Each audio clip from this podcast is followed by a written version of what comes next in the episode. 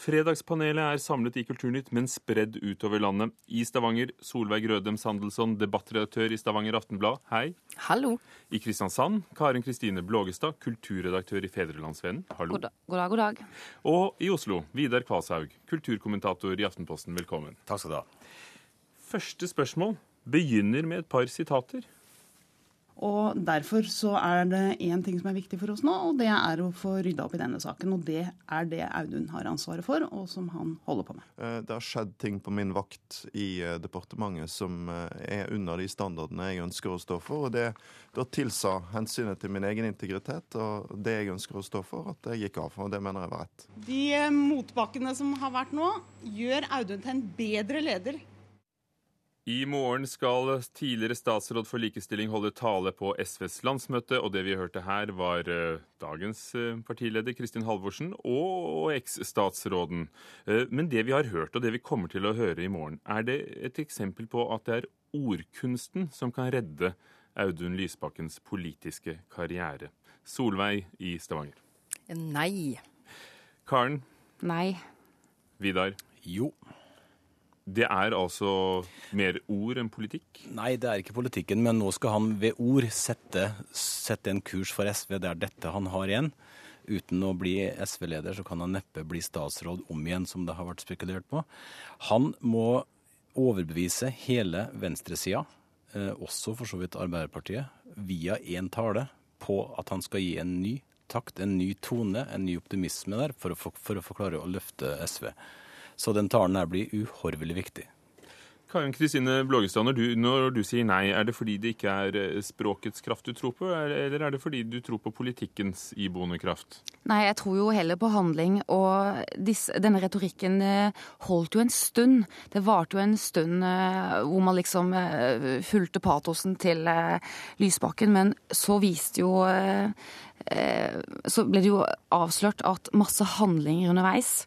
Han har holdt tilbake ting. altså Han ble avslørt. Det dukket opp nye SMS-er og mailer og sånn som han holdt tilbake, og det er handling.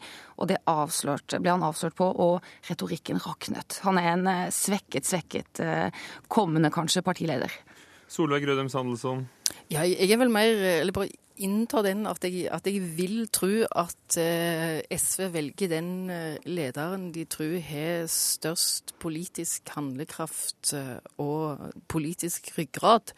Og det er jo egentlig et litt sånn prinsipielt standpunkt for oss å, å gå på, på, politikken. Kanskje eh, Jeg ønsker meg velgere som, som, bryr seg om hva slags regler politikerne lager. F.eks. For, for 450 rettsløse asylbarn.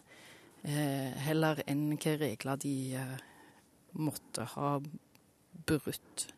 Men når vi spilte av disse sitatene her, så var det jo også fordi eh, jeg hadde tenkt å bedre legge merke til ordet, ordene. Hva er det med dem? Ja, jeg vil gjerne si noe om det. Jeg syns jo han tar litt sånn distanse til det som har skjedd. F.eks. dette begrepet 'på min vakt'. Altså, han står bare vakt, det er noen andre som ordner. Eller eh, det har vært vakter før, og det kommer til å komme vakter siden. Altså det er en veldig sånn eh, distansering til de faktiske alvorlige episodene og hendelsene. Vidar?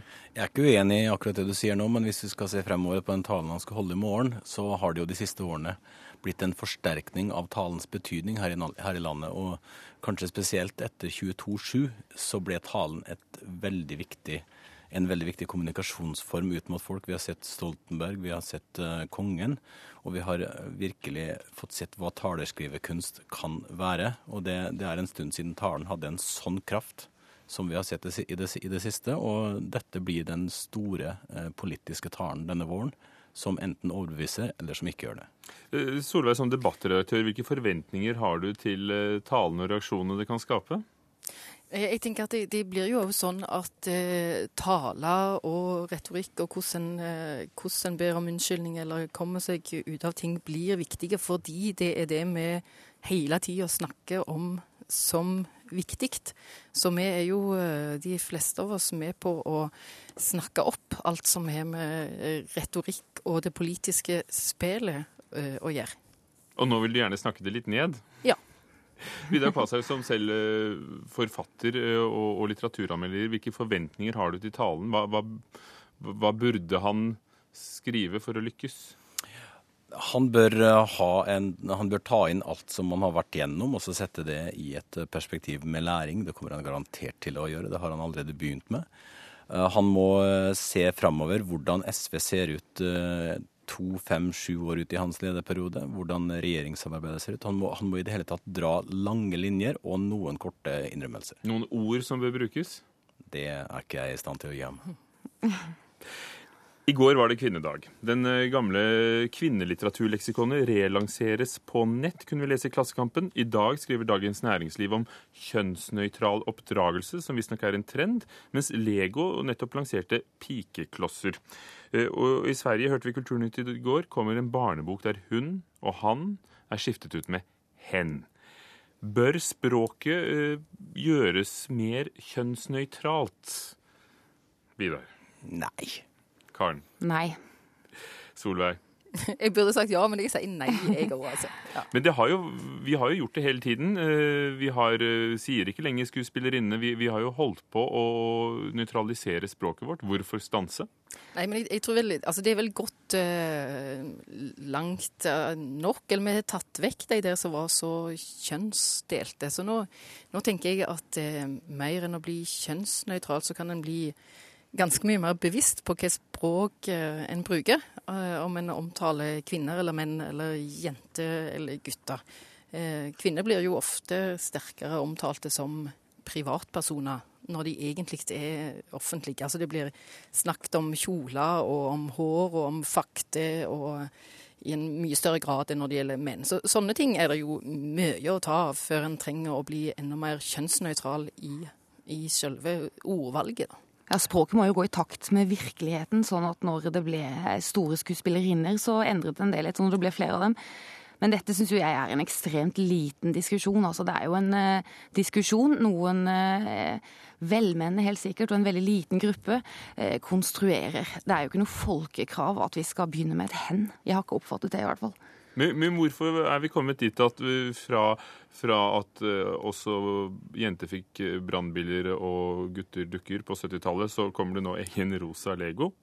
Jeg tror at det er en pendel som svinger, og det er litt uh, tid og takt og tone og sånn. Og nå tror jeg den er litt på vei tilbake. For nå ser vi jo, som du nevner også, artikler hvor en diskuterer kjønnsnøytral oppdragelse osv. Og, så og i går så, så jeg en liten jente som var kledd i lys beige. Og det tenker jeg det er et framskritt. Beige klær. Krem. Jeg har tre barn, og de har alle slags klær. De har arva av hverandre. Og vi har gutter som går med rød Xeroxer i dag, så det, det, akkurat de tingene der er alles valg. Men akkurat den konstruksjonen med hen i en barnebok, det er jo en, en fiffighet for å sette fokus på et, eh, et eh, langvarig og et, og et betydelig problem. Men eh, det er nok bruken av språket som definerer språket, og jeg tror ikke vi kommer til å se hen veldig ofte. Men som det finnes uh, jentelego, finnes det kvinnelitteratur? Ja, det fins uh, en hel del forlag som mener at kvinnelitteratur skal se sånn og sånn ut, ha de og de ingrediensene. Uh, en, en innpakning og en, og en, innholdsgreie som de iallfall mener skal være mot, retta mot kvinner, ja. Finnes det mannelitteratur?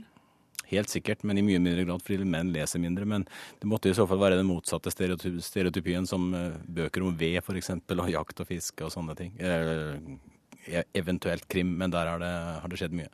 Vi har jo Vedhuggeboka. Hva, hva, hva sier du, Solveig?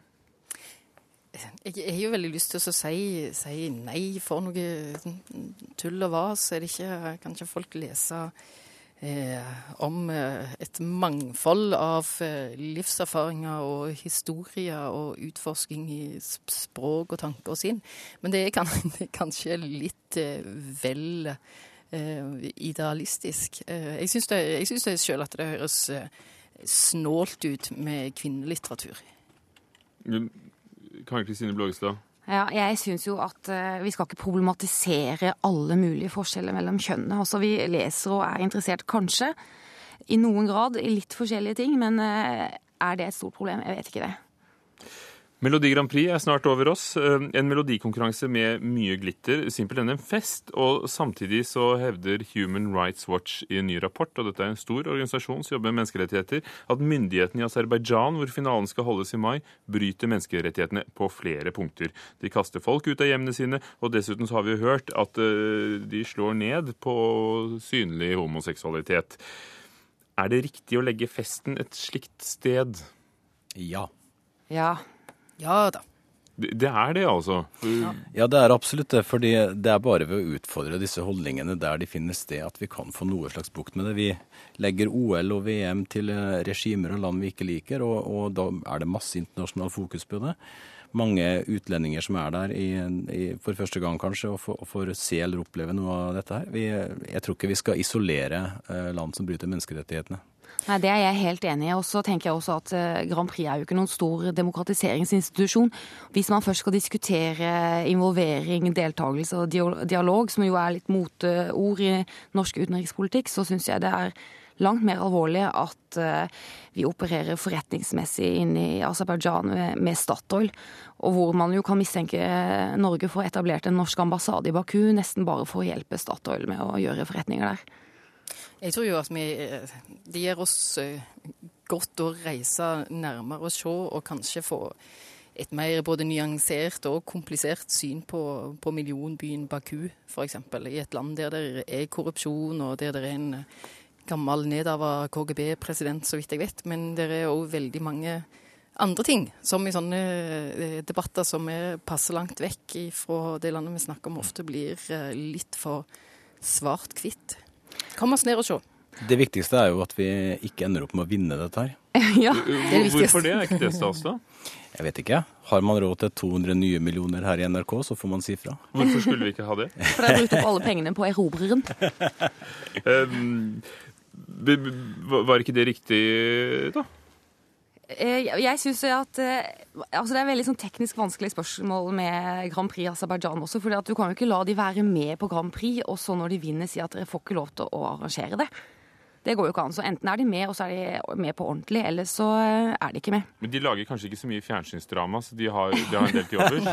De har litt å gå på der. Um, kan det, eh, Solveig Røden Sandesson, hjelpe faktisk å, få fokus på de problemene de måtte ha i et land som Aserbajdsjan, at, at vi legger et arrangement som dette dit?